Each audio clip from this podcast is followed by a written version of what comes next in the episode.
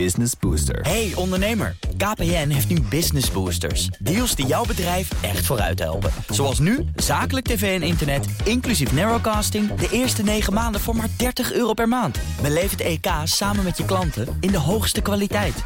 Kijk op kpn.com slash businessbooster. Business Booster. De Perestroikast. Een blik op Oost-Europa.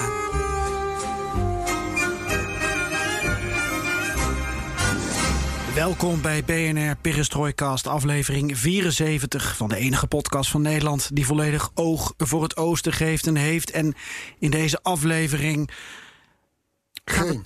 geen oog eigenlijk, minder oog. We kijken wat meer naar eh, ontwikkelingen in eigen land, maar wel gerelateerd aan de regio. Dus we laten Belarus en verkiezingen en revoluties even voor wat die zijn, Floris. Want we gaan het hebben over hele foute, maar toch ook heel lekkere Europop. Zeker, we gaan swingen hier. Eh, over verstopte wc's. En we gaan shoppen. Dat laatste doen we in Amsterdam bij Verkoesveel. Een Russische supermarkt die kakelverse producten verkoopt... en sinds dit voorjaar is neergestreken in onze hoofdstad. Zometeen praten we met Job Veldman van Verkoesveel. Want deze supermarkt, Geert-Jan, werkt op on-Russische wijze. Ik ben heel benieuwd. Eh, ook trouwens naar die verstopte wc's. Dat staat in mijn tekst. Maar eh, jij hebt daar wat mee te maken. Zeker, en volgens mij, als ik me niet vergis... met jouw reiservaring moet jij eh er ook van weten. Komen we zo meteen op. Oké. Ja, dat is een aardige cliffhanger.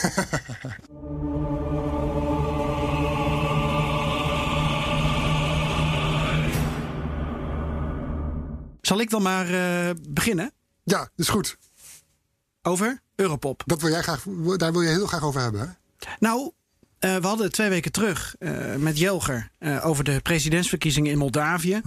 En zeg je Moldavië, dan denk je natuurlijk aan drie dingen. Ehm, nou, ik denk aan een enorme, waanzinnige storm in april. Jij zou je eens een keer aan het draaiboek houden, hè, vriend? Oké, wijn. Ik zie daar de wijnstok op de markt nog voor me. Ongelooflijk. Iedereen, elke burger heeft daar gewoon zijn eigen wijnstokken... die hij in zijn achtertuin ja, eh, verbouwt tot wijn. Ongelooflijk. Precies. En twee? Eh, ja, volgens het draaiboek staat hier Sharif Tiras, Tiraspol. Nou, daar heb jij een sjaaltje van. Precies, maar dat is eigenlijk Transnistrië. Hè? Dus Moldavië, Transnistrië, lastig grondgebied. Oké, we houden Moldavië. Toch de kampioen van Moldavië? Ja, schitterend stadion. Ja Echt eh, er ook Europees, eh, Europees waardig. Maar Ja. daar wil je het ook niet over hebben. Zelfs niet over voetbal.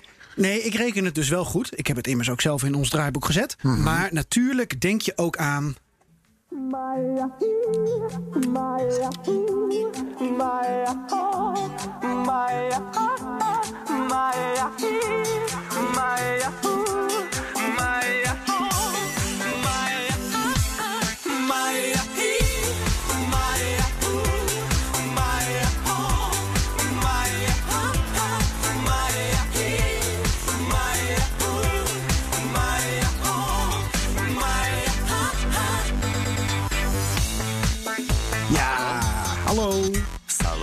Helemaal uit onze plaat hier. hè? Ja, DJ Geert-Jan in de house. Hajduk. Nou, hier hoef ik niet veel voor te doen. Ja, maar ja, je hebt toch wel goed gevonden en goed ge- gemonteerd.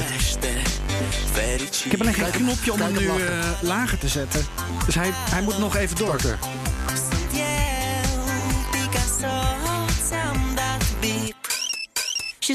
Ja, we praten er wel overheen. Ja, dus, eh, dus hier gaan we het zo meteen over hebben, Geert-Jan. Jou, jou. Nou ja, hier, hier heb je het al weken over. Je komt er niet bovenuit, hè? Nee, nee, nee. Nee. Kwamen we toen ook niet in die zomer.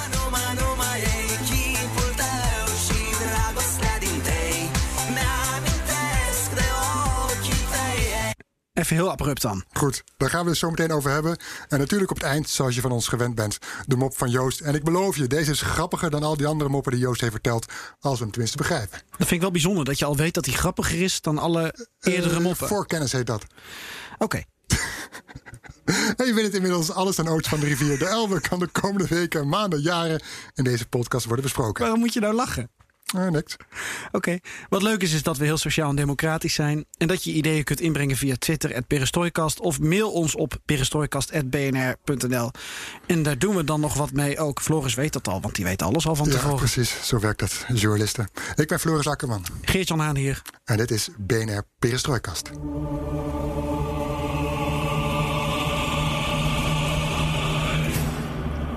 Geert-Jan, Ozon, Europop, je zag het aan me. Ik kon niet stil blijven zitten. Ik moest even lekker dansen, hoewel ik eh, een slecht ritmegevoel heb. Toch ging ik uit mijn dak. Dat zag ik ook, ja. Eh, daarom. Maar nu graag toch de inhoud en de aanleiding van jouw verhaal.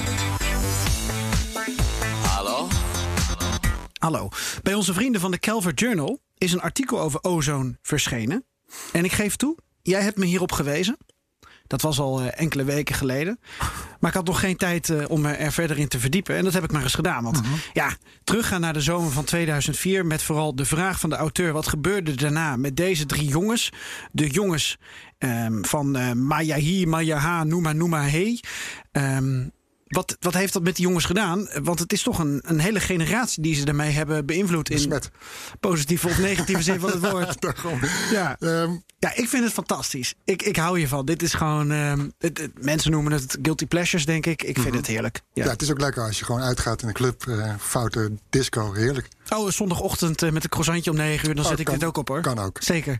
Krantje erbij en eh hoppakee, noem maar, Maar nu, hey. nu even de inhoud. Europop of Eurodance? Ik denk dat het allebei kan. Mhm. Maar je danst er wel flink op, ja. Maar goed, ehm Dragostea Dinte dus. Betekent liefde in de linde. Eh, en Ozone, dat eh, bestond van eh, 1998 tot 2005. Is dus eigenlijk al gewoon 15 jaar zijn jongens uit elkaar. Een Moldavische popgroep. Veel mensen verwarren het met Roemenië. Daar kwamen ze wel tot wasdom. En even de namen, want dat, ja, daar zijn mensen misschien wat minder bekend mee. Je hoort dus in, aan het begin hoor je eh, Arseni Todiras. Dat is dus degene die, eh, die zegt dan... eh, Hallo? ja, Mhm. Ja, herken maar duizenden. dan heb je Dan Balan, dat is de bekendste. Dat Ja. is eh, eigenlijk eh, ook de coolste van het stel, de mooi boy. En dan heb je eh Radu Shirbu. En dat is degene met de wat hogere stem.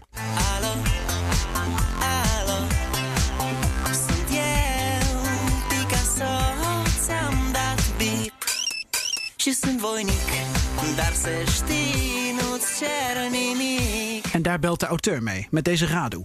Oké. En Maar wat zijn over Dan Balan? Wat zei je dan over? De, de mooi boy. De mooie boy. Wat, wat is met Ozone zelfs met Spice Girls? Je hebt allerlei soorten types waar je mee kon vereenzelvigen. Nou, zo goed zit ik er Spicy, niet in. spicy, spicy, sport spicy, baby spice. Nou ja, die jongens zagen er alle drie gelikt uit. Nou ja, dat is waar. Soepel. Maar op hun eigen manier. En met andere stemmen. Klopt. Enfin, eh, die auteur heeft dus gebeld met... Met Radu. Mhm. En wat heeft die te vertellen? Hoe gaat het met hem? Wat doet hij eh, met zijn leven? Je zou je eens een keer aan het draaiboek houden, hè? is hij dat nummer niet strontzat? Dank je. Gek genoeg niet, heb ik opgeschreven. Hij kan er eindeloos naar luisteren. Vooral door de vibe, zegt hij. En dat het gewoon zo viraal ging. Dus ook hij geniet er nog steeds van op zondagochtend. Maar ik voel een kanttekening. Nou, het duurde zeker tien jaar voordat Radu een ander leven had. En niet meer die jongen van Dragostea Dente was. Daar werd hij echt door alles en iedereen mee geassocieerd. Ja, uh-huh. Terwijl hij al jaren ook zijn eigen muziek maakte. Dat nummer is niet alleen beroemd, maar die clip is ook natuurlijk Ja. eh, beroemd. Ja, Wat wat, komt er in jou op als je aan die clip denkt? Want ik heb hem nu een paar keer teruggekeken weer. Ik moet zeggen dat ik die clip eigenlijk niet zo goed heb bekeken. Iets met een vliegtuig weet ik wel, maar verder rest heb ik niet zo, Ja, ja, dat klopt. Ja. weet ik niet zoveel van. Nou, ze gaan een beetje terug in de tijd, in stripboekstijl. Dan kapen ze een commercieel vliegtuig, wel leeg. Eh, Dat is wel fijn voor de mensen thuis. En dan dansen ze daarna op de vleugels ervan. Ik denk dat je je dat wel herinnert, dat ze daar met z'n drieën op die vleugels zo, zo staan te dansen. Je bent echt Je weet, verbannen, je, je weet dat ik andere muziek luister, hè? dus dan is al het andere al snel Ik af. weet dat jij al weken niet eh, meer eh, voor reden vatbaar bent... omdat Mhm. Bruce Springsteen met een nieuw album is gekomen. Daarom. Uiteindelijk crasht het vliegtuig. Maar natuurlijk overleven de drie Mhm. Mooi Boys het drama. En in de lange versie van de clip leek het ook een, een droom te zijn van Arseni. Dat, dat viel mij op toen ik eh, toch maar eens nader in deze materie ben gedoken. Oké, ja, heel goed. Eh, dit, dit is, eh, nou ja, ik zou zeggen, een scriptie waardig. Even terug naar de jongens. Hoe gaat het nu met ze? Eh Shirbu die werd vooral producer. Die Mhm. richtte een label op met negen artiesten, waaronder hij zelf, Rasada Music. Zijn dochter zit er ook bij trouwens. En hij zingt zelf ook nog steeds het ehm, nummer Raspoens, ehm, Antwoord. Dat eh, plaatste hij half oktober op zijn YouTube-kanaal.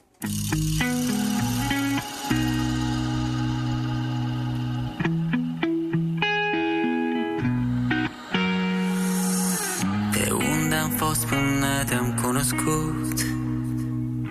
Te-am căutat în viitor și în trecut. Cine eram nici eu, nu mai știu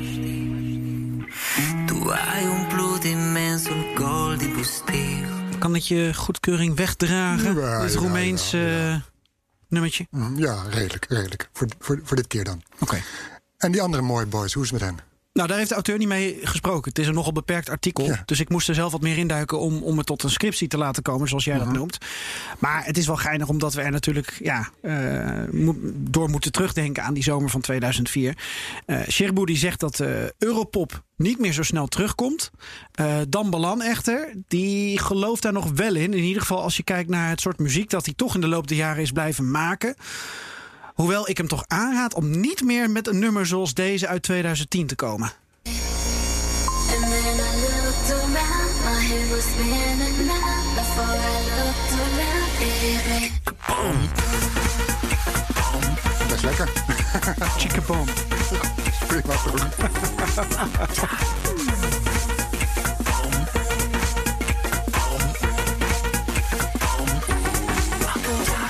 Ben bang dat de vaste luisteraar Jos Kusters bij deze is afgehaakt.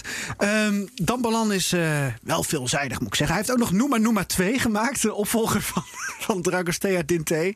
Eh, hij zingt in het Engels, Spaans, Russisch, Roemeens. Grapt zelfs wel eens dat hij eh, oud-Moldavisch erbij haalt. En hij is vooral actief in Oekraïne. Daar heeft hij Monarda Studios. Eh, hij heeft een studio in Kiev en een studio in Boekarest. En hij zat ook in The Voice Ukraine als eh, jurylid. Hm, Oké, dat eh, noteer ik eventjes. En last but not least, de derde, mooi boy. Arseni Todiras.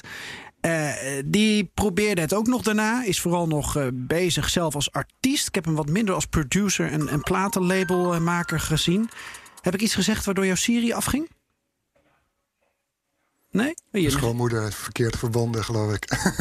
oh, misschien. hij wil, wat vindt zij van Ozone? ik zal het vorige keer vragen. Doe dat. Maar even belangrijkere zaken. Wist je dat Arseni een nieuwe alias heet? Nee, Heeft? nee. En hij heet nu Atika Patoum. En hij brengt ook nummers uit, zoals afgelopen maart. En dat nummer, dat heette Alle Alleluia.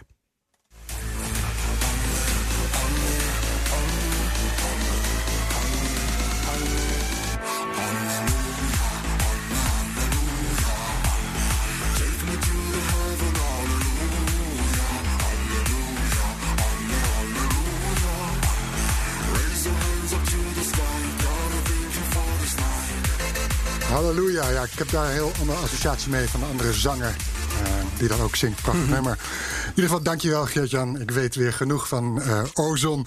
Ehm, Nee, ze zijn, ze zijn allemaal solo. ja, dus, van de solo-artiesten van vroegere Ozon. Zoiets. Niet mijn muziek. Ehm, ik zeg, ik spoel net- niet door de wc, maar het kan er net mee door. Ehm, oh, Nou. die wc dus. Ja, daarover gesproken. Ja, Want die, de, eh, verstopte wc's. ja. We, we hebben nu een heel slecht bruggetje gemaakt. ja. Vertel. Nou, ook als ik, ik was in Minsk van deze zomer. En ik ben ook, ook in Nizhny Novgorod had ik dat meegemaakt. Ook in andere steden, Rusland, Oekraïne, Wit-Rusland, Asje, Belarus. Soms ga je eens naar een café en ga je naar de wc. En dan staat er op een bordje... gooi je wc-papier niet in de wc-pot, maar in de prullenbak. Die vervolgens naast de wc staat. En overloopt van al het wc-papier, eh wel of schoon... of eh, wat je nog allemaal voor restanten ziet. Ja, omdat de riolering op die plekken net wat anders is. te eh, smal zijn om, ingericht. eh, precies, te smal zijn om, om goed door te spoelen. Maar wat ik altijd doe, en ik ben benieuwd of jij het ook overkomt, ik doe het altijd verkeerd en gooi automatisch gewoon die wc-papier na wat ik heb gedaan in de pot en niet in de prullenbak. Ik heb het wel eens fout gedaan. Maar ik heb het ook regelmatig goed Ja, gedaan. je bent zo keurig dat je het bordje Ja, maar gehoorzaam. het is gewoonte. Dat is net als nu met die gekke coronatijd. Dat je bij het minste of geringste je handen gaat wassen. Mhm. Of eh, spulletjes gaat ontsmetten. Of een mondkapje gaat dragen. Eh, Als je het eerst niet gewend bent, dan doe je het niet. Nee, maar toch. En zodra je het vaker doet. Maar jij blijft ik, ik moeite blijf, hebben met ik die blijf pot. erin gooien. Ja. Ja? Op het moment dat ik erin heb gegooid en heb gespoeld, dan zie ik het bordje weer en denk ik, shit. Maar is het daardoor wel eens me- En misgegaan? dan voel ik me altijd schuldig. Of ben ik Ja. ook bang van, oh jee, eh, straks is de pot verstopt en de riolering en dan komt hij helemaal naar boven en dan heb ik het gedaan. Dus Ja. ik ben toch even, toen ik was in een café, ik ben even naar beneden gelopen, naar, want die wc was boven de eerste verdieping, naar de barman. En ja, ik zei, sorry, ik heb het niet goed gedaan. Eh, ik hoop niet dat je nu in de problemen komt. Hij was heel barmhartig en zei van, nou, het geeft niet. Ehm, deze, een, een keertje is het niet, is niet erg, zei hij. Als het twee keer gebeurt, dat kan wel voor problemen zorgen. Ehm, wat hij ook inderdaad. goed van jou. Ja, ja hij, hij, hij vermoedt inderdaad wat we net al zeiden. Het is waarschijnlijk voor een goedkopere afvoerpijp gekozen toen ze dat café ging installeren. En eh, ja, die, die, die afvoerpijp was, was, is te, te smal en te klein eh, voor de wc-papier. Ehm, ik vroeg ook om, goh, als er dus wat gebeurt, moet jij, moet jij die wc moet jij die volle prullenbakken, waar ik toch altijd een beetje zat te kijken van wat smerig, moet hij die dan opruimen? Hij zegt nee, dat hoef ik niet te doen. Dat doen we de schoonmaakster. Tenzij uh, het halfwege de dag al die prullenbak al helemaal vol zit, dan moet hij alsnog, uh, alsnog die prullenbak leeg. Schoonmaakster is ook een mens. Ja, nou dus. Iemand moet het doen. Ja, klopt. Maar ja, je, wil, je, je hoopt toch dat iemand, iedereen toch een beetje fris Je hoopt niet dat degene bij wie jij je excuseert, dat die dan de, de sjaak is. Ja, dat ook. Hij misschien meteen een gezicht erbij. Hmm. Um, maar goed, uh, hij zei, nou, het is niet zo erg, want erg is nog als die wc verstopt raakt en de pot overstroomt. Mm -hmm. Dat is eigenlijk mijn, mijn, mijn wc-ervaring in, in, in Oost-Europa. En dan kwamen we meteen op het tweede punt. En is natuurlijk, als je in de zomer er bent, wordt natuurlijk één keer in zoveel tijd, of een paar voor een paar weken, het uh, warme water afgesloten. En wat doe jij dan? Stap je eronder? Ga je een pot ketof opwarmen? Ga je naar de sportschool of ga je zwemmen? Um, ik denk van alles een beetje. Mm -hmm. Ja, ik heb van alles een beetje gedaan, denk ja. ik, toen ik daar zat. Ja. Uh -huh. En, en je had niet zoiets van, wat is dit? Nee, maar je ik weet ben het. in een grote stad, waarom kunnen ze dat niet normaal doen? Nee, maar je weet het. Je weet, dat is toch de cultuur daar? Precies, dat, ja, het ja. is ook mooi. Het is ook mooi, maar het is toch altijd... Hey, we hebben een hoog instapniveau hè, bij, bij de podcast. Ja, dus, ja. Uh... maar het is toch altijd dat je denkt van, ja, ben je in Moskou... dan moet nog, gaat nog steeds twee weken lang het warm water op slot in de zomer. Waar wij in de zomer, dat scheelt. Dus jij ergert je elke keer weer aan het gebrek aan vooruitgang op dat terrein? Uh, nee, als je, als je ziet hoe Rusland en ook wel andere Oost-Europese steden vooruit gaan inderdaad... in mm -hmm. Moskou... Uh, dat je denkt, nou, daar Moskou, dat is dat loopt bepaalde op, op thema's, bepaalde onderwerpen lichtjaren voor op Amsterdam. Maar dan zoiets, ja, dan ja. ga je toch weer terug in de tijd. En, um, maar goed, ik sprak daar ook met die barman in Minsk over. Hij zegt, ja, uh, wij lossen inderdaad op. Ik ga naar de sportschool. Of we, we gaan een pan water opwarmen om ons daar een, uh, een soort van warme douche te geven. Anderen gaan douchen bij vrienden. Um, hij zei van, ja, het is inderdaad wel verbazingwekkend. We kunnen naar Mars reizen en we kunnen van alles. Maar dit hebben we niet voor elkaar geen goede leidingen. Voor de wc en voor de douche. Wilde je ook nog iets uh, wat betreft internet uh? Ja, nou ja, kijk, die leidingen, dat, dat, die wordt gewoon gecontroleerd hè, voor, uh, voor in de zomer om, om te testen en te repareren voor de koude wintermaanden. En je kan ook per wijk kun je kijken uh, op internet ja. wanneer jouw wijk de klos is. Dus dan kun je daarop inspelen, kun je al aangekondigd aan je vrienden, ik kom dan en dan douchen. Dus dat is heel gemotiveerd. Of daarvoor al heel veel extra douchen. Dat kan ook nog, dat je extra stroom bent. Of misschien alvast iets klaarzetten voor die tijd. Um, wat je ook ziet is dat op de portiek van die flats in de hal uh, komt een soort van waarschuwing of een mededeling van dan en dan even wordt het warme water afgesloten. Tegenwoordig hebben soms goede of rijkere Russen of, of huizen, maar ook cafés als dit café, een boiler en is het probleem opgelost. Heb je vanochtend warm gedoucht? Uh, ja, ik douche altijd heel lang. Dat mag niet waarschijnlijk, maar guilty pleasure.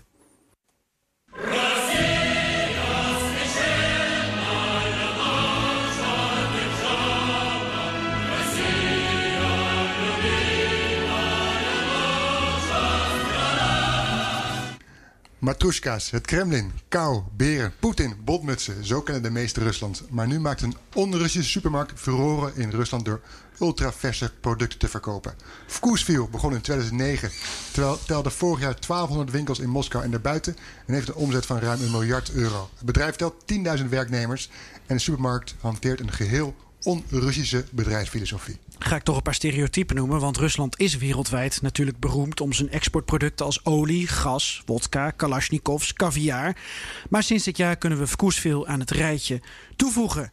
Het rijtje van Russische exportproducten. De supermarkt wil namelijk de wereld veroveren en dat begint dan in Amsterdam. Want waar verover je anders de wereld? Notabene in de Ferdinand Bolstraat. Daar heeft Vkoesville zijn eerste winkel buiten Rusland geopend. En ik zeg notabene, want dit is een beetje de bakenmat van Floris Akkerman. Vroeger was dat. Ooit. Een paar jaar gewoond. In ieder geval, een on-Russisch bedrijf dus die droomt van een wereldrijke zonder Russisch olie, gas, wodka, kalasjnikovs en caviar. Dus zitten we hier met onze opnameapparatuur in Amsterdam. Niet in Vkoesville zelf, tussen de worsten, kipfilets, brood en groenten, maar bij de buurman Café Hannibal. En uh, naast ons zit uh, Vkoesville uh, oprichter in Nederland, Job Veldman en tevens volledig verslaafd aan gezond eten. Dat Welkom. is zo, ja zeker. Ja. Even om met die naam te beginnen. Ehm, de, de, de Russische luisteraar of de Russisch georiënteerde luisteraar... horen daar waarschijnlijk een Russisch woord in, vkoesviel. Ehm kun je even uitleggen wat er voor staat? Ja, eigenlijk staat het voor de, de, de, de smaak van het dorp. Dus het is eigenlijk een beetje een grapje. In, uh, in, in Rusland zijn ze dus een jaar of acht geleden... Uh, hebben ze eigenlijk gewoon een soort random naam gekozen voor... Hè, ze wilden verse producten, veel verser dan andere supermarkten... in, uh, in, in Moskou verkopen. En toen hebben ze gewoon Smaakdorp hebben ze gewoon aan elkaar gezet. En dat vond iedereen wel grappig. En toen is het per ongeluk dus uitgegroeid tot een gigantisch succes. Ja, met een onuitspreekbare naam voor veel Nederlanders. Ja, zeker weten. Maar vinden wij ook wel leuk, want uh, uiteindelijk uh, geeft het ook een beetje mysterie aan ons. Mm -hmm. En dat, uh, dat nodigen we graag uit. Ja, je denkt aan, aan Baltische landen, aan Scandinavië, maar dat is dus Russisch. Ja, ja, we hebben toch geen rendier-logo uiteindelijk gekozen. Uh, omdat nog wat. Uh, nou, nee, wij, wij, wij vinden het juist heel leuk dat we Russisch zijn. Ja. Dat is vroegst begonnen in 2009 met melk. Alleen de inkoop van melk bij een melkboer, begreep ik. En is nu uitgegroeid tot een uh, ja, een supermarkt dat, dat iedereen kent. Ja, klopt. Ja. Dus de, de, de oprichters ooit begonnen met, uh, met, met voor het eerst uh, verse melk direct van boeren uh, beschikbaar krijgen op, voor een voor eigenlijk redelijk betaalbare prijs in, in, in Moskou. Rusland is natuurlijk een gigantisch land en daar was alle melk houdbaar.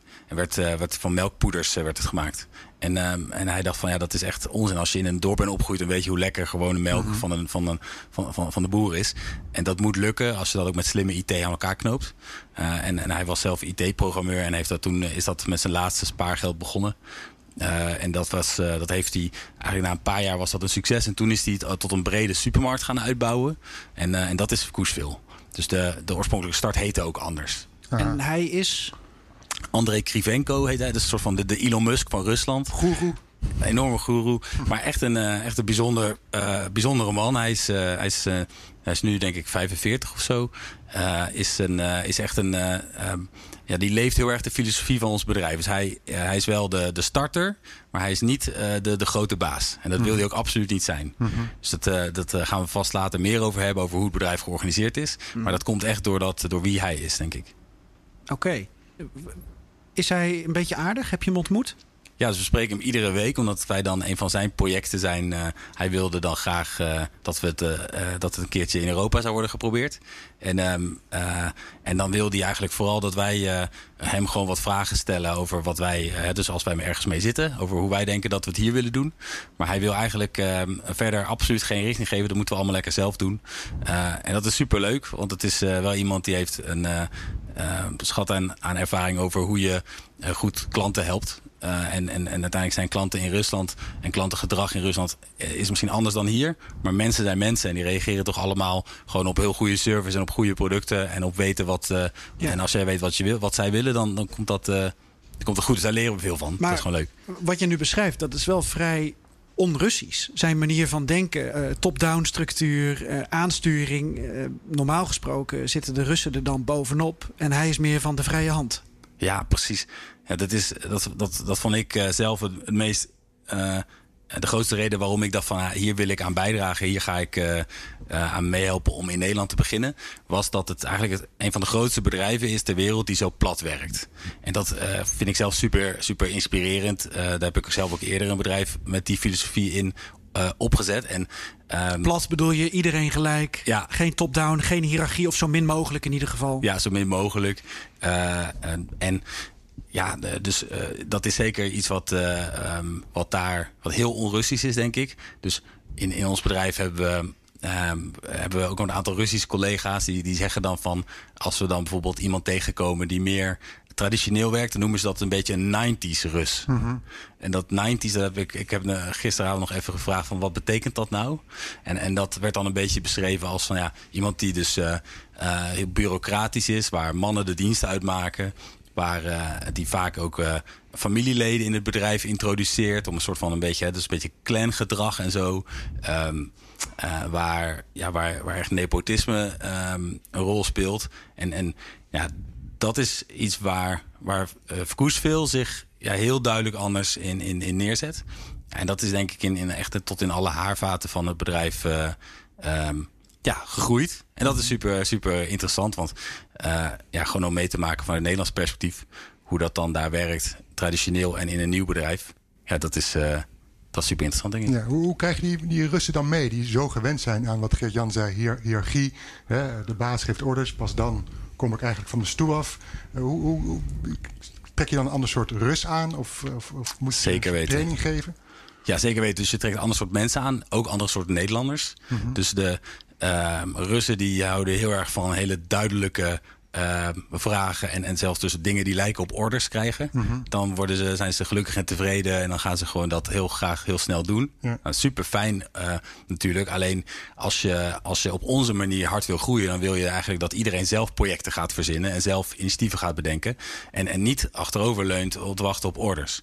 Dat is het hele idee. Dus eh, wat, je, wat je dan krijgt is eigenlijk dat mensen die, eh, die, die eigenlijk daarvan het nut niet echt inzien. Omdat misschien met meer, meer chaotisch verschillende initiatieven maar zelf te gaan doen. Eh, die mensen die dat niet leuk vinden, die gaan op een gegeven moment weer weg.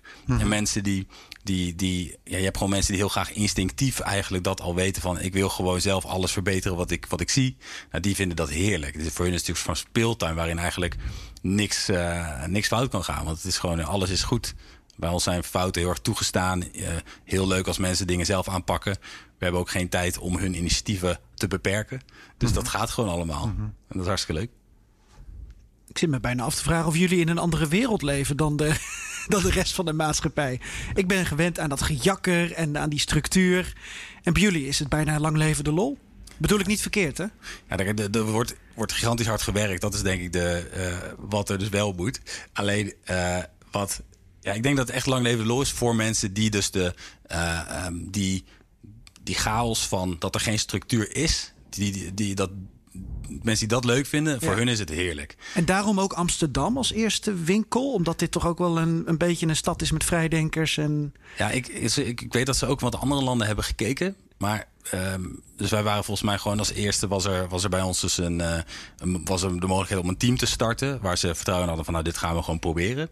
En, eh, en ik denk dat, dat er toch ook bij Russen wel die soort van dat romantische idee heerst van Peter de Grote is hier naar Amsterdam gekomen om te, eh, over, over toen de internationalisatie te leren van zijn, van zijn land. En, en dat vinden ze dan ook wel mooi dat dat nu eh, weer een beetje plaatsvindt. Want zij zien het echt als dat er nu geen consumentenbedrijven in de westerse wereld succesvol zijn. vanuit Rusland, in de westerse consumentenwereld. En, eh, en zij willen graag het eerste voorbeeld daarvan zijn. ja, nog één vraag hierover. Een gunstig eh, fiscaal beleid hier in Nederland. Eh, helpt dat nog voor eh, de Elon Musk van Rusland? Ja, ik ben bang van niet, want wij doen niet aan, aan, aan eh, tax planning en zo. Dus eh, ik ben bang dat, eh, dat we daar nog heel veel op laten liggen. We zitten nu hier bij. eh, kun, ja, kun je sowieso, ik ben wel even benieuwd, eh, die Elon Musk. Ehm, Hij We kunnen hem ook gewoon bij zijn eigen naam Ja. André, André Krivenko. André. Ja. Hij, zou ook er zelf trouwens gruwen daarvan. ook zo gezien als Elon Musk. Als hij iets, eh, hier kijken we naar hem. Als Elon Musk met iets komt, dan, dan berichten we allemaal, alle kranten en media berichten over zijn nieuwste uitvinding. En hij, eh, ja, hij maakt er een heel festijn van. Is dat bij hem ook zo het geval? Nou, hij wil dus niet eh, op hetzelfde soort podium staan als wat Elon Musk wel, wel doet. Eh, ik denk dat dat in, in de westerse cultuur in het algemeen ook het beste werkt om wel die, die soort van eh, guru-status te proberen te pakken. Ik denk en ook dan, dat Musk anders in Amerika niet zo groot had kunnen worden. Dat is ook een Zuid-Afrikaan en die moest natuurlijk mee in Ja. ja, dat podium gebeuren. Ja, dus dat, dat noemen wij interne hero culture. En dat willen we dus niet. Ehm, eh, omdat eh, dat eigenlijk eh, de, de, de modus van gelijkheid automatisch al onmogelijk maakt. Eh, als iemand Heel communistisch eigenlijk. Ja, ja misschien wel. er zit vast zeker wel een soort achtergrond in van misschien zo van die, die toch die, die achterliggende wens alsnog om een soort van gelijkheid te bereiken. Ehm, die, in de, die in de jaren negentig misschien dan weg was en waarschijnlijk in het communisme zelf ook, dat het helemaal niet was. Ehm, maar doordat we nu dus een, een founder hebben die zelf programmeur is, heel introvert van karakter en echt geen manager wil zijn, ehm, eh, ja, is het dus gelukt om nu in een bedrijf met 10.000 mensen dat dus wel, wel echt goed te zien. En krijgt hij navolging in Rusland? Oeh, dat zou ik eigenlijk niet goed weten. Wat ik wel weet, en dat is ook een van de redenen waarom we hier eh, konden beginnen, is dat hij eh, al voordat wij begonnen al heel nauw contact heeft gehad met buurtzorg. Dat kennen jullie vast wel hier in Nederland. Jo- Jos de Blok geloof Jos de. Blok, ja. die, eh, ehm, die zijn dus eh, hier met een heel klein kernteam vanuit, uh, van mij is het Almelo... eh, begonnen om ook een soort van structuur neer te zetten van met autonome eh, eh, teams per buurt. En, en dat heeft ook eh 10.000 verplegers volgens mij op het hoogtepunt aan het Maar werk. dat is een uitgeklede markt, de thuiszorg. En meneer Krivenko start iets in een enorm competitieve markt. Ja, ik, ik zie het voornaamste verschil van ja, dat het dat wat wij nu uh, eigenlijk proberen is het neer te zetten in, een echte commerciële markt. Dus wat uh, buurtzorg natuurlijk een heel gereguleerde markt met een, met, een, uh, met een aantal behandelcodes waar dan geld voor kan worden ge gekregen als het wordt uitgevoerd. Is denk ik heel andere uh, manier van hoe je dan de, als startend bedrijf een positie kan veroveren dan hoe je dat in een commerciële markt doet. En, en wij gaan dus kijken van ja, met alle chaos die bij een commerciële start hoort, kan het dan ook. Waarin je dus geen, waarin er misschien wel geen markt is voor je, voor je producten. Mm -hmm. Um, maar die, maar uh, Jos de Blok en ook andere mensen van, van Buurzorg, die zijn dus al een aantal, aantal keren ook in Moskou geweest. Die hebben ook een audit uitgevoerd op onze organisatie in, uh, in, uh, in Rusland. Inmiddels ook trouwens in voor mij 27 steden, dus niet meer alleen in, in Moskou. Um, omdat ja, André Kivenko daarvan dus ook heel duidelijk ziet van dat. dat het uh, neerzetten van de filosofie is het moeilijkste. Uh, eigenlijk van het, en het belangrijkste wat het bedrijf moet, uh, succesvol moet zijn om het allemaal te laten lukken. en, um, ja, ik moet het toch even laten bezinken, Job. Want een ja. Nederlandse thuiszorgorganisatie die een audit doet bij een Russische supermarkt in 27 Russische steden. Het is toch bizar, toch? Ja, nou ja, redelijk. Terug, toch? Toen, toen had je nog niet 27, die 27 steden. Of hoe lang is dus de audit, met buurtzorg? De audit heeft denk ik alleen in Moskou plaatsgevonden. Maar dus, uh, dus uh, ik bedoelde gewoon dat ons bedrijf zit nu in 27 verschillende steden in Rusland. Um, maar die audit heeft vorig jaar plaatsgevonden. Toen ja. zijn een aantal mensen van, van buurtzorg naar, uh, naar Moskou gegaan om, om onderzoek te doen. En, um, en ja, en dat is ook voor heel inspirerend, ook voor onze Russische collega's. Want voor hun is uh, is ook in Rusland een heel gek bedrijf. Mm -hmm, ja. en, en voor hun is het ook heel belangrijk om te zien dat dat een, een, een iets is wat, wat logisch is, dat het, uh, dat het werkt en dat het ook uh, zich kan, uh, kan ontwikkelen in andere markten en plekken. Ja. ja.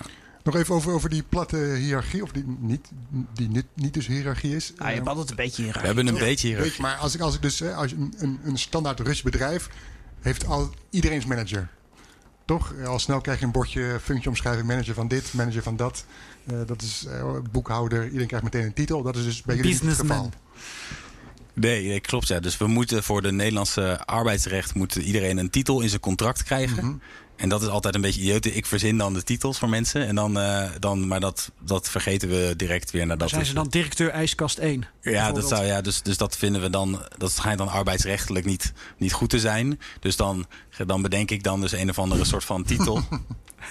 Chauffeur. Maar ik ben toch benieuwd. Heb je, maar je hebt, je hebt dan wel iets moeten uitzoeken dat dus bij het arbeidsrecht past. Dus het ja, kan dus niet het moet, iets het moet een beetje zijn. serieus. Het mag helaas. Ik wilde inderdaad gewoon, inderdaad gewoon uh, actiestickeraar en uh, verzint allemaal. Uh -huh. dat, dat, dat, was niet de bedoeling. Mhm. -huh. um, maar die titels doen inderdaad echt niet toe voor ons. Uh, want onze posities zijn, uh, zijn, zijn heel fluïde.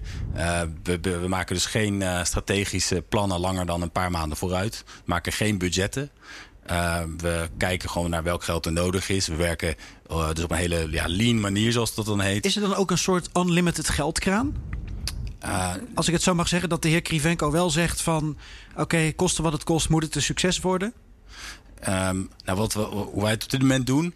Dus, dus daar, kijk, de realiteit is natuurlijk dat geld niet unlimited is. Uh, in, in, ieder geval niet in onze wereld. Rusland soms wel hoor. Maar, uh... Ja, ja, ja, dat geldt helaas niet voor, voor een supermarkt start-up. uh, Um, dus, dus, dus nee, daarin moeten we gewoon pragmatisch zijn. Uh, wat we uh, met hem afspreken is een soort van... Als het geld bijna op is, dan gaan we zitten over de plannen die we dan hebben... Um, voor wat we willen doen. En we moeten hem, dus we, we, houden hem wekelijks op de hoogte hoe het gaat met de resultaten. Mm -hmm. En als onze resultaten goed zijn, dan krijgen we veel geld. En dan mogen we groeien. Als onze resultaten slecht zijn, dan op een gegeven moment dan gaat, gaat natuurlijk de stekker eruit.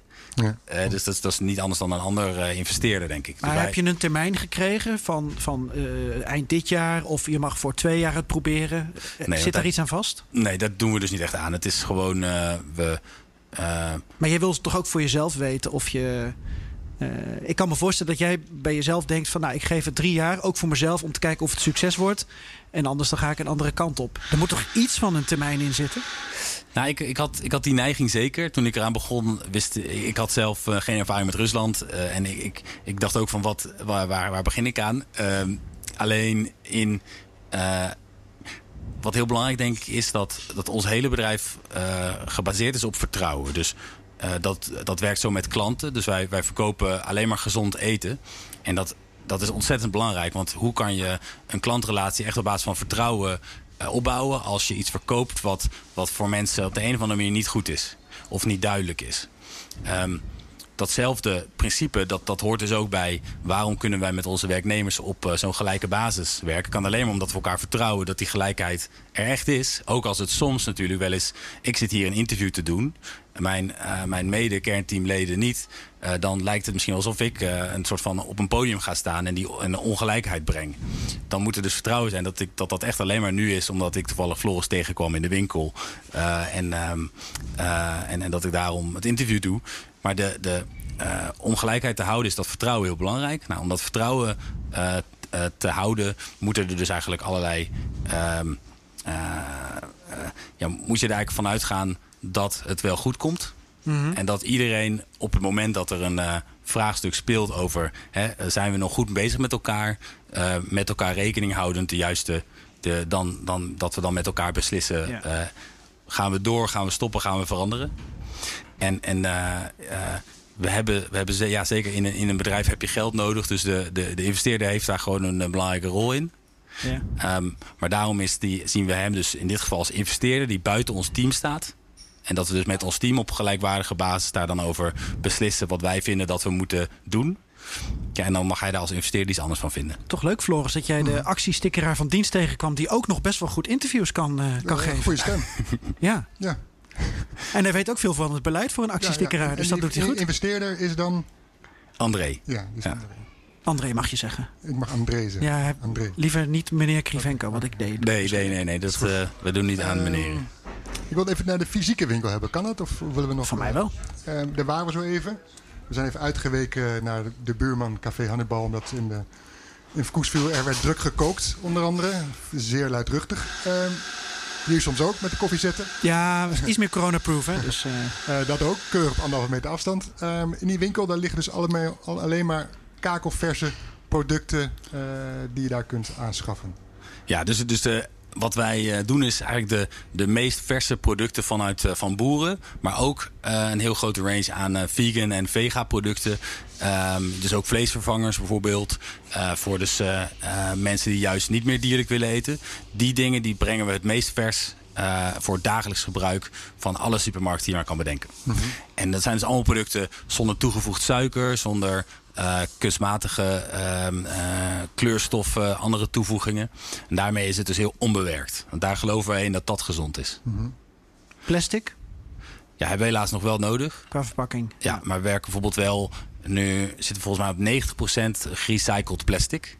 Eh, zodat dat in ieder geval één, één stap is. En bijvoorbeeld onze, onze melk komt niet in pakken, maar die komt in statiegeldflessen. En die brengen mensen dus weer terug en dan krijgen ze 30 cent korting op de volgende fles. Die van mij staat nog thuis, ik heb nog niet teruggebracht. Oh, je bent al eh, inkopen wezen doen. En toen kwam je Job tegen. Voor de bloemen. Ja, Ja, in het voorjaar kwam ik hier inderdaad. ik vind het wel interessant, want ik zit me toch ook af te vragen: een, een, een Russisch concept, ambachtelijk voedsel noem ik het even. Eh, of vind je dat een vervelende term, ambachtelijk? Ja, de, de- de- je hebt inmiddels in, in de Nederlandse taal heb je ambachtelijk, natuurlijk, duurzaam, eh, verantwoord, biologisch. Ik weet niet zo goed hoe ik dit moet noemen, wat jij dan. eh, Ja, ik, we zijn in ieder geval. Wij, wij doen niet veel met, met grote. We doen niks met grote merken. En we doen niet veel met. met dus onze producten hoeven niet door een industrieel proces heen. Mhm. Dus, dus dat betekent al gauw dat het er een beetje ambachtelijk wordt. Ja, Daarom- en dan heb ik een beeld erbij, namelijk iets wat ik in, eh, in Rusland of Oekraïne ook waarschijnlijk dan gewoon bij de boer zou kopen of nuttigen. Alleen jij zit hier in Hartje Amsterdam. Dat is natuurlijk een heel ander winkelpubliek dat je daarmee aanspreekt. Want hier in Hartje Amsterdam zijn het dus de mensen met geld, om het, als ik het zo even mag noemen, die in principe bij dit soort zaken dan, eh, dan terechtkomen. Omdat het geen bulk is, omdat het geen voorraad is zoals je bij de grote supermarkt hebt. Ja, ik, dus, kijk, wij importeren dus niks uit Rusland. Alles is hier vers van, van lokaal. En het zijn ook allemaal Nederlandse producten. Hoewel Ja, maar dat ook kost een, geld in Nederland om dat mooi te ja, maken. zeker. zeker. We, we hebben nu ook een, een range aan, aan, aan Russische producten ernaast. Eigenlijk omdat we zoveel zeer enthousiaste Russen op bezoek eh, Ja? eh, bleken te krijgen. Maar we zijn echt voor de Nederlandse markt. Ja, en wat wij zien is eigenlijk eh, dat we twee groepen aanspreken. Dus eh, we, we krijgen gewoon heel veel mensen die eh, eh, bewuster willen eten. Dus ehm, dat gaat mensen die, dus mensen die veel minder vlees eh, willen eten. Ehm, eh, maar ook die niet zo graag willen meewerken aan de uitpersing van boeren die ehm, bij grote supermarktketens moeten leveren. Ja. Iedereen weet hoe, weet je wel, die- iedereen, iedereen ziet dat, dat distributiecentra worden geblokkeerd door leveranciers hè, van hun, van hun klanten. Kan je voorstellen hoe raar die situatie is? Ehm, wij werken op basis van eh, liefst zonder contract met onze boeren. Dus dat betekent gewoon op basis van vertrouwen dat we afspreken wat we nodig hebben. En er zijn dus ook absoluut geen penalties als er niet kan worden geleverd of allerlei andere gezeur. Ja. Wij moeten er gewoon voor zorgen dat we voldoende leveranciers hebben om aan onze producten te komen. Ehm, en onze klanten die weten dat als het een keertje tegen zit, dat er dan ook een leeg schap kan zijn. Voor ons ook helemaal geen probleem. Want wij willen helemaal niet te veel in producten inkopen, want wij willen helemaal geen afval creëren. Dus we zijn nu al eh, heel dicht bij, eh, bij zero waste. Door eh, bijvoorbeeld de meeste van onze, dus onze producten die over de datum dreigen te raken, die gaan dan bijvoorbeeld met Too Good To Go mee, met andere initiatieven mee. Ehm, dus dat zijn de bewuste eigenlijk mensen. Die, die, vinden, die, die, die raken we daarmee heel duidelijk door gewoon ehm super goed en, en eerlijk eh, te zijn over wat we doen en wat mensen krijgen. Onze prijzen zijn ook transparant. Dus dan eh, zetten we erbij hoeveel het ons kost. Eh, en dan mag het dus ook iets meer kosten, merken we. Nou, eh, probleem opgelost voor, voor, voor, voor een grote groep. Andere groep die we gewoon zien is dat eh, is mensen die gewoon heel erg houden van de boerenproducten, van onze heerlijke zuivel, die, die dus eh, niet gehomogeniseerd is, waardoor, de, waardoor iedere fles een beetje anders is. En dat, dat dus koeien, hè, dus de, als, als een koe. eh, eh, ehm, gedurende de, de dag iets anders eet, dan zal de, de melk iets anders smaken. En dat zal je dus in die melkfles terugzien. En, en die, ehm, eh, dat is een totaal andere beleving dan wat je krijgt eh, als je zo'n eh, zo'n industrieel pak melk koopt. Maar je, je ziet, alle supermarkten zitten op een duurzame tour. Hè? Die, die investeren daarin of gaan, hebben contact met lokale boeren. Hier tegenover zit de Jumbo, eh, verderop de Albert Heijn. De Deen zit hier om de hoek. De Ja. Kuipmarkt zit om de hoek. De Dirk zit daar verderop. Ja, het is druk hier. Ja. Er zit nog een andere biologische markt. eh, Ja, wij vonden dat wel leuk. Wij hebben een Albert Heijn overgenomen om hier zo te zitten. Ja, maar dat, dat, is een concurrentiestrijd die je wel moet zien. Ja, dus het belangrijkste wat je, wat je denk ik voor ogen moet houden is dat, eh, dus dat het onderzoek wat twee weken terug uitkwam, ehm, waarin de gezondheid van, van supermarktproducten werd vergeleken. Ja. Nou, en, daarin zag je dat eh, alle grote supermarkten die zitten, zitten ver beneden de 50% van, de, eh, van, van producten in het assortiment die als gezond kunnen worden gezien. Dus bijna in alles, in de Jumbo, in de Albert Heijn, in de andere grote supermarkten, zit toegevoegd suiker, zout of conserveermiddelen eh, waar helemaal geen noodzaak voor is. Ehm, bij ons vind je dat dus allemaal niet terug en dat is een gigantisch verschil. Hoe is dat in Rusland? Hoe is die strijd daar? Wat weet jij daarvan? Ja, dus, dus wat, wat ik interessant vond om te zien toen ik daar, toen ik daar kwam, toen zijn we natuurlijk toertjes gaan maken door de, door, door, door de ehm, supermarktsector. En, en je ziet gewoon. Betekent dat gewoon dat je allerlei supermarkten ingaat? Ja, ja, ja, precies. Dat- ja. Weet je wat ik met een kroegentocht zou doen? Dat doe jij met een supermarkt. Ja, ja, hoewel ook die kroegentocht is er ook van gekomen. En dat is ook heel leuk in Moskou. Ehm Weet maar- Floris ook alles van. Ja. Nou, ook van supermarkten trouwens. Oké, dat goed, dat goed. Nee, wat, me, wat me altijd opviel, is, eh, Ja, ja. eh, als ik eh, die vier jaar dat ik in Rusland heb gewoond, de kipfilet zag er daar toch anders uit, en, en ook qua structuur, qua kleur, dan hier. Ik denk lekkerder, of niet? Eh, ik had het idee van wel, ja, maar dat kan ook iets dat je dat cultiveert of romantiseert. Maar ik had wel het idee dat daar, en dat was gewoon bij een supermarkt, ik had het idee dat daar minder eh, stoffen of Minder water? chemische middelen of wat dan ook in werden gestopt. Ja, kijk, ik ben niet. eh Niet alles gaan proeven in die onderlegd. supermarkt.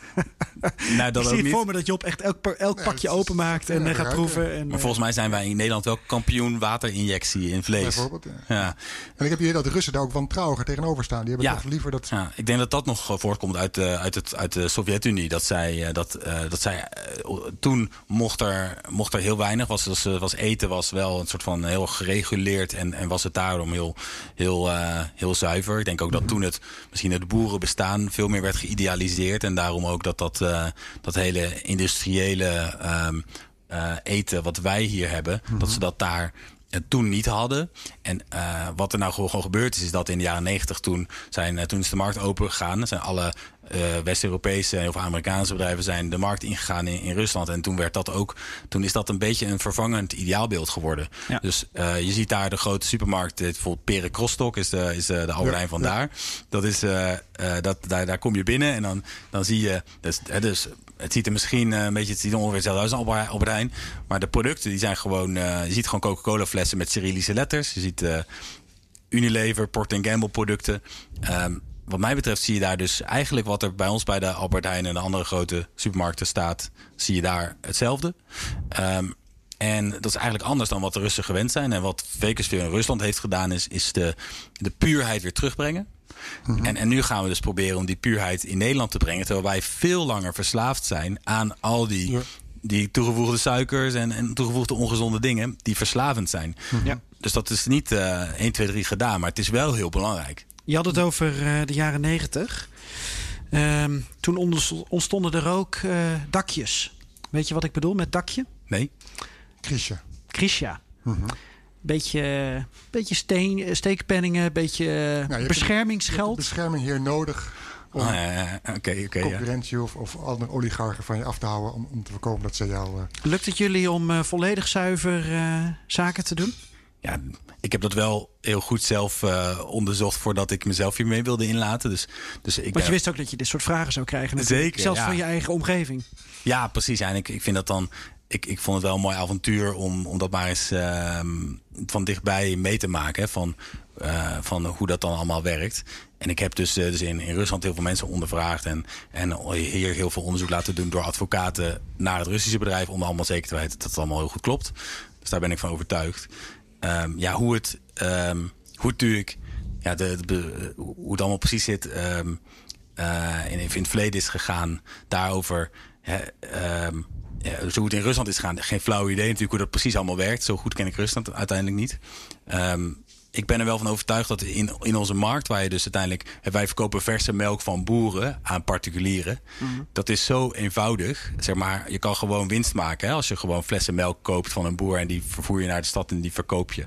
Dus dat is wel een businessmodel waarvoor je niet veel kapitaal nodig hebt. Nee, dat snap ik. We bedoelen het ook meer van de naar de andere kant op. Dat je in het Nederlandse nieuws, dit internationale nieuws, hoor je natuurlijk veel over eh, Russen met heel veel geld die veel foute dingen doen. En die krijgen dan sancties aan hun broek, die komen op een zwarte lijst te staan.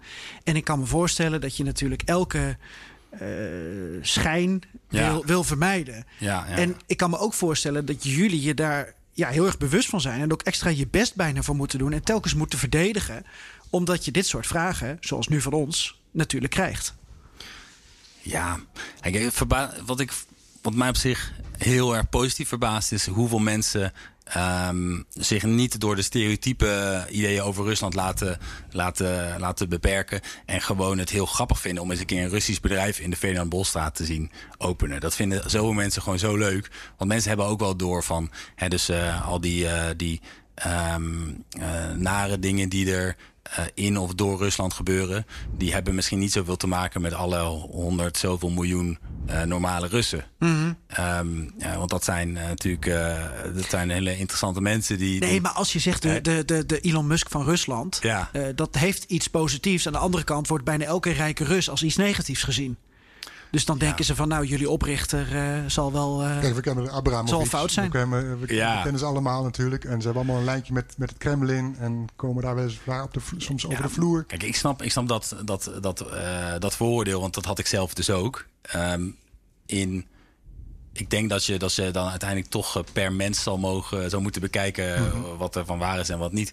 En, en dat we, ehm, ja, dat dit bedrijf dus eh, eh, zo kraak eh, transparant is. Dat dat eh, denk ik heel anders is dan wanneer je het hebt over bedrijven met staatsinmenging. En, en dat zijn toch veel meer de, dus de, de Gazproms van deze wereld. Dat zijn bedrijven waar natuurlijk veel meer dingen eh intransparant gaan. Dan, dan, dan bij een start-up zoals wij. ja. Ehm, Nou, wat ik zo lastig soms vind is, eh, je hebt eh, Telegram, eh, het Russische social media. ehm, En eh, Pavel Durov heeft dat opgericht. Hele slimme jongen uit eh, het Russische Silicon Valley. En hij is uiteindelijk toch ook politiek geworden. Hij is politiek betrokken geraakt. En ja, dan krijg je al gauw natuurlijk een. een hij, is, hij is oppositiepolitiek, want hij eh, gebruikt en misbruikt zijn sociale media tak ook tegen eh, Poetin en Lukashenko en dergelijke. Maar ben je er nooit bang voor dat je ja, in zee bent gegaan met iemand die dan toch misschien politieke aspiraties heeft en denkt van ja, ik wil, eh, ik wil meer. Ja, ik, ik, kijk, ik denk dat, dat, eh, dat het bedrijf nu heel veel positieve verandering bereikt door apolitiek te zijn. Eh, dus het is een bedrijf wat. Jullie voor- zijn 100% apolitiek. Voor zover je weet dat. eh, Ja, in ieder geval. Ja. Dat, zo zou ik het in, zo zou ik het zien. Ehm, Niet elk Russisch bedrijf is natuurlijk meteen ook politiek. nee, nee. Nee, alleen er wordt wel om een of andere reden eh, van, van jou en mij, Floris, verwacht dat we er naar vragen. Tuurlijk. Of is maar dat, dat heel is ook gek? goed. Dat- ik vind dat. Nee, nee, nee. Want eigenlijk zouden we dat ook We aan elke Amerikaan moeten doen en aan elke Duitser. Ja, want Als je het gelijk wilt trekken. Als je het hebt over gelijk, gelijkheid. Ja. Wat wij Russen in oligarchen noemen, heb je Amerikanen, noemen wij dan rijke Amerikanen. Maar eigenlijk zijn het ook vaak oligarchen Zeker. die... En vriendjespolitiek. Kijk, dus- kijk, wat ik zelf, eh, kijk, ik ben zelf eh, hartstikke politiek geïnteresseerd en dat heeft me ook eh, aangetrokken om dit, eh, dit eh, project te gaan doen. Ehm, omdat ik dat eh, het biologeert me. Ik heb me eerder in mijn, mijn, mijn korte carrière ook in het, in het buitenland eh, rondgehangen. En het integreert me gewoon hoe de stereotype eh, meningen van Nederlanders over, over zaken doen in, in andere landen. Hoe die heel erg bepalen wat voor kansen dan die landen krijgen om te ontwikkelen in zakenrelaties met, met Nederlanders. Eh, en, en Rusland is daar denk ik het nummer één voorbeeld van. Want het is gewoon het grootste land wat, eh, wat, wat zeer geïsoleerd is. Eh, ik, ik geloof er zelf dus in van eh, dat eh, als je kijkt naar dit bedrijf, je wel, de, de werken, twee derde van onze werknemers is vrouw. Dat is in, in Rusland is dat een, een, een, een bizarre eh, eh, verstandhouding van, van, van man en vrouw. Ehm, eh, dat zou in Nederland ook zo zijn. Maar als je, zoals je nu ziet dat in Wit-Rusland de, de revolutie door vrouwen wordt gedragen, eh, is dat misschien ook wel dus een soort van een, een, een ehm, eh, beweging die in ons. Die, kijk, ons bedrijf is gewoon apolitiek, maar eh, het wordt volledig gedragen door mensen die hele liberale waarden uitdragen. Ja. Eh, dat, dat, eh, dus ik heb, Wat een beetje past bij de diaspora Ja. Rus, bij wijze van spreken. ik heb, ik heb zelf ook met de founder gecheckt van hoe zit het met LGBT rights in ons bedrijf. Dat wilde ik zelf ook weten voordat ik er actief werd. En ik dacht van, van hè, dus dat is niet een, dat zijn niet vragen die je misschien makkelijk stelt als je het over zaken doen hebt. Eh, want waarom zou je dat, ehm, hè, wat doet dat ertoe als je het hebt over een bedrijf oprichten? Vond hij het een goede vraag? Nou, dus eh, dat begrepen ze eerst gewoon niet zo goed. Want zij zijn in Rusland dus veel apolitieker dan, dan hoe wij zelf over Rusland nadenken in Nederland. Ehm, toen ik allemaal uitlegde wat voor soort stereotypen er leefden in Nederland over Rusland. ehm, eh, eh, was het voor hun een soort van uitgemaakte zaak dat wij dat, dat ze daarin. Eh, de, dus toen zijn ze dat allemaal gaan uitleggen wat ze, hoe ze dat allemaal doen en eh, hoe ze er allemaal tegenaan kijken. En dat ze daarmee ook naar buiten zouden willen als wij dat nodig zouden vinden. Ja. Eh, en dat, dat, dat gaf voor ons de voldoende zekerheid van oké, ze. Het, het interessante is, ze hebben gewoon niet begrepen dat dat, dat voor ons belangrijk is. Ze, ze, ze- zulke soort onderwerpen doen er niet toe voor hun. Duurzaamheid is voor hun ook iets wat, wat niet op de politieke agenda staat. Dat wij dat belangrijk vinden als Nederlandse team, dat was voor hun gewoon nieuw. Ehm, maar wij hebben hun kaak helder gemaakt van nou, je kan in Nederland niet eh, in, eh, geen vertrouwensrelatie opbouwen met je klanten als je niet aan eh, een daadwerkelijke duurzame wereld bouwt. Dus het gaat niet om alleen maar een goedkope prijs voor een goed product. Het gaat echt om een langdurige relatie opbouwen met klanten. Dat is wat we willen. Nou, dus die, al zo'n soort, zulke soort discussies, die, die hebben we gevoerd. En daaruit kwamen super positieve resultaten. En dachten wij van nou, volgens mij is het voor een Russisch bedrijf baanbrekend. En, en eh, verdienen zij daarmee om het eh, in het Westen te proberen. Ja. Zullen we eh, richting de afronding gaan? ja, ik heb nog één, één, één, één kritische vraag. Ja. Kan dat? En daarna Ik hou het kaartje in de gaten, nog drie minuten. Ehm, nog even over, over eh, onrussisch bedrijf. Dus als Rusland ook bekend staat, is het corruptie. Dat is ook iets wat je, je, je in het verdiept en hoe dat zit. Of Ehm, dus, eh, sorry, kan je mij nou ja, onrussisch bedrijf hebben we het over. Hè? Dus Hoe je zo corrupt mogelijk kan zijn. Heb je daar even Ja, corruptie is ook een van de clichés over Rusland. Is het dan, eh, een beetje, hoe, hoe heb je daarin verdiept? Want eh, Ja, dus ik heb een zonder extern. corruptie kun je eh, haast niet ik heb een duur advocaat. eh, op, oprichten. Ja, ik heb duur advocatenkantoor ingeschakeld om, om gewoon een eh audit te doen. Mhm. Eh, dus die, en daaruit kwamen alle lichten op groen. En hebben we het eh, eh, eh, hebben dus tot, op dat, tot dat niveau eh, weten zeker te stellen. Ja. Ehm, één, één positief punt is ook dat dus, eh, dus ooit heeft, eh, heeft André om eh, te kunnen groeien... heeft hij een klein stukje van het bedrijf verkocht... aan de grootste private equity fonds van, eh, van, van Rusland. En dat is ook een bedrijf bijvoorbeeld achter Yandex... en achter de, echt de allergrootste successen van, eh, eh, in, in, in de IT-wereld in, in Rusland. En dat gaf ook wel vertrouwen. Dat, zijn wel, dat is echt een serieuze partij die heel internationaal zaken doet. Dus eh, ja, dus, dus eh, ja, dat is... eh, voor wat ons betreft is het, is het, is het, is het kraakhelder. En aan de andere kant, het is ook iets wat je dus als Nederlander, als zo'n zo'n bedrijf binnenkomt, dat moet je ook inderdaad gewoon een beetje durven gaan, gaan, gaan zien en transparant maken. En ja. Om dit kruisverhoor eh, eh, af te sluiten. Uh, Wat zijn, je, op zijn voorhoofd. wat zijn je plannen in Nederland qua uitbreiding? Blijft het Ja. bij de Ferdinand Bolstraat? Nee, zeker niet. Dus we, zijn, eh, we hebben nu een, eh, een café ehm, kunnen overnemen om de hoek, ook in de pijp. En dat wordt een soort live cooking ehm, café waar, waar we dus gaan testen van... ja, is het als we dus heel erg met verse producten werken... we hebben eigen bakkers en koks... hoe leuk is het als mensen dan ook eh, dat allemaal aan het werk kunnen zien... terwijl, terwijl je dan iets gaat kopen. Dat is veel, een veel betere ervaring van vers... dan wanneer je het moet geloven dat het gedrukt op een papiertje... op de verpakking staat dat het vers zou zijn. Eh, dus daar gaan we, gaan we mee aan de slag. We, zijn nu, eh, we leveren nu nationaal de eh, onze producten uit via thuisbezorging. Eh, dus dat, eh, dat, eh, daar, daar kunnen mensen bestellen. Dat kan via vkus.nl. Maar je kan ook vanaf nu op verser.nl kan je al je producten inkopen om thuis te laten bezorgen. Dat doen we overal in Nederland, behalve in de arme Waddeneilanden. Sorry daarvoor. En ehm, Die hebben genoeg eigen lokale producten daar. Ja. Dus die kunnen zonder. Ja, dat, eh, dat, eh, ik daar heb ik ook volste vertrouwen in. Dus eh, ja, op verser.nl. Dus V-E-R-Z-E-R. Omdat dat toch wat makkelijker uitsprak dan Vekersville. En fysieke winkels? Ja, we gaan zeker ook groeien in fysieke winkels. Waar zit je aan te denken? Welke steden? Ja, ik denk dat we ehm, in, in Amsterdam nog eentje erbij openen. En dat we dan... eh, ehm, ja, ik denk een beetje aan zo'n stad als Amersfoort of zo. Dus een, een, ehm, een grotere stad in het midden van het land. Daar zou ik eh, aan zitten denken. Oh. Nou, Amersfoort. Verkoersveel komt eraan. Zo is het. Dankjewel, eh Job. Zeker, dank je. Ja, en dankjewel Floris dat jij Job bent tegengekomen terwijl hij Eh, de melk lot aan het bestikkeren lot heeft was. zo beschikt. Dankjewel Job. Dankjewel Job. Medeoprichter van Koesveel Nederland.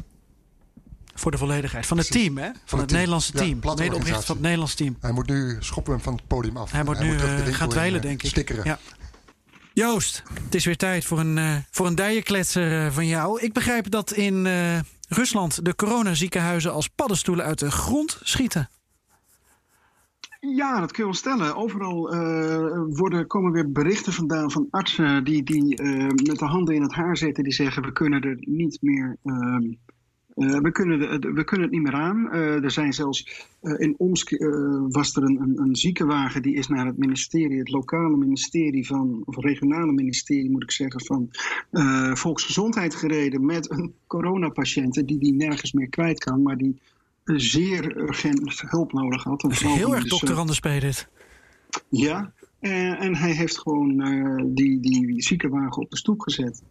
En gezegd, eh, ja, sorry, maar we kunnen het niet meer aan. En zowaar is de, de, de, het hoofd van het ministerie door het Kremlin ontslagen. Eh, maar het geeft wel vaker. aan dat het ook hier eh, toch wel gierend uit de hand loopt. Je had het over corona. Ja, dan moeten we er toch maar eh, een mop van maken. Ja, Joost zou. Joost zou Joost niet zijn als hij daar eh, actuele mop op heeft natuurlijk. Natuurlijk, het is een kort mopje, maar ik zal hem jullie vertellen. Eh, een taxichauffeur, hè, die moeten tegenwoordig ook eh, elke dag moeten ze langs de, eh, een, een, gezondheidspunt om zich te laten testen op corona. En, en ze moeten een taxi ontsmetten en weet ik het. Dus, nou ja, een taxichauffeur laat een klant binnen en zegt tegen zijn klant: Ja, maak je geen zorgen over de vreemde lucht in, in mijn auto. Dat is, dat is een desinfectiemiddel. Waarop de passagier zegt: Oh, zegt hij, is oké. Ik proef en ruik al een paar dagen helemaal niks meer. Ja, Ja. We snappen hem weer. Ja, we snappen hem. Ja, ja we zijn Kijk, goed op de hoogte van de symptomen. Er gaat Dus, iets niet eh, goed. Ja. Ben je inmiddels al een beetje bekend, eh, Joost, als, als eigenlijk niet de journalist, maar als de. de We moeten hem even afsluiten. hè? We moeten hem even afsluiten, deze mop. En dan kunnen we naar de volgende. Ja, ja, weet ik. Maar dit is nog even. Oh, ik dacht dat je dit dan weer ging gebruiken voor de nee, nee, nee, volgende nee, mop. nee, nee, nee, nee, nee. Jeetje, we moeten telkens wat creatiefs verzinnen voor de volgende mop. En jij gaat al twee creatieve dingen per mop verzinnen. Eh, ja, maar er komt er zo meteen nog eentje bij, geen probleem. Jullie zijn zo creatief, jullie Ben, sta je nou meer bekend als, de- als de journalist of meer als de, de mopperaar? De moppen. Ja, dat, dat hangt er helemaal vanaf waar je bedoelt. Eh, in, in Rusland eh, ben ik geen van beide. In, in Nederland zullen jullie dat toch beter weten dan ik. Want daar heb ik de peilingen niet zo in de, in de, in de smiezen, eerlijk gezegd. Nou, je staat heel hoog in de peilingen. Ja, Ja. gezond, Ja? gezond Oké. verstand heeft al interesse getoond. Goed zo, dat, eh, dat, moet je blij doet mee mij, zijn. dat doet mij eh, eigenlijk geen deugd. Maar goed, Joost, aan je toe. Dankjewel, Paka. pakka pakka. Как калинка моя, в саду ягода, малинка, малинка моя.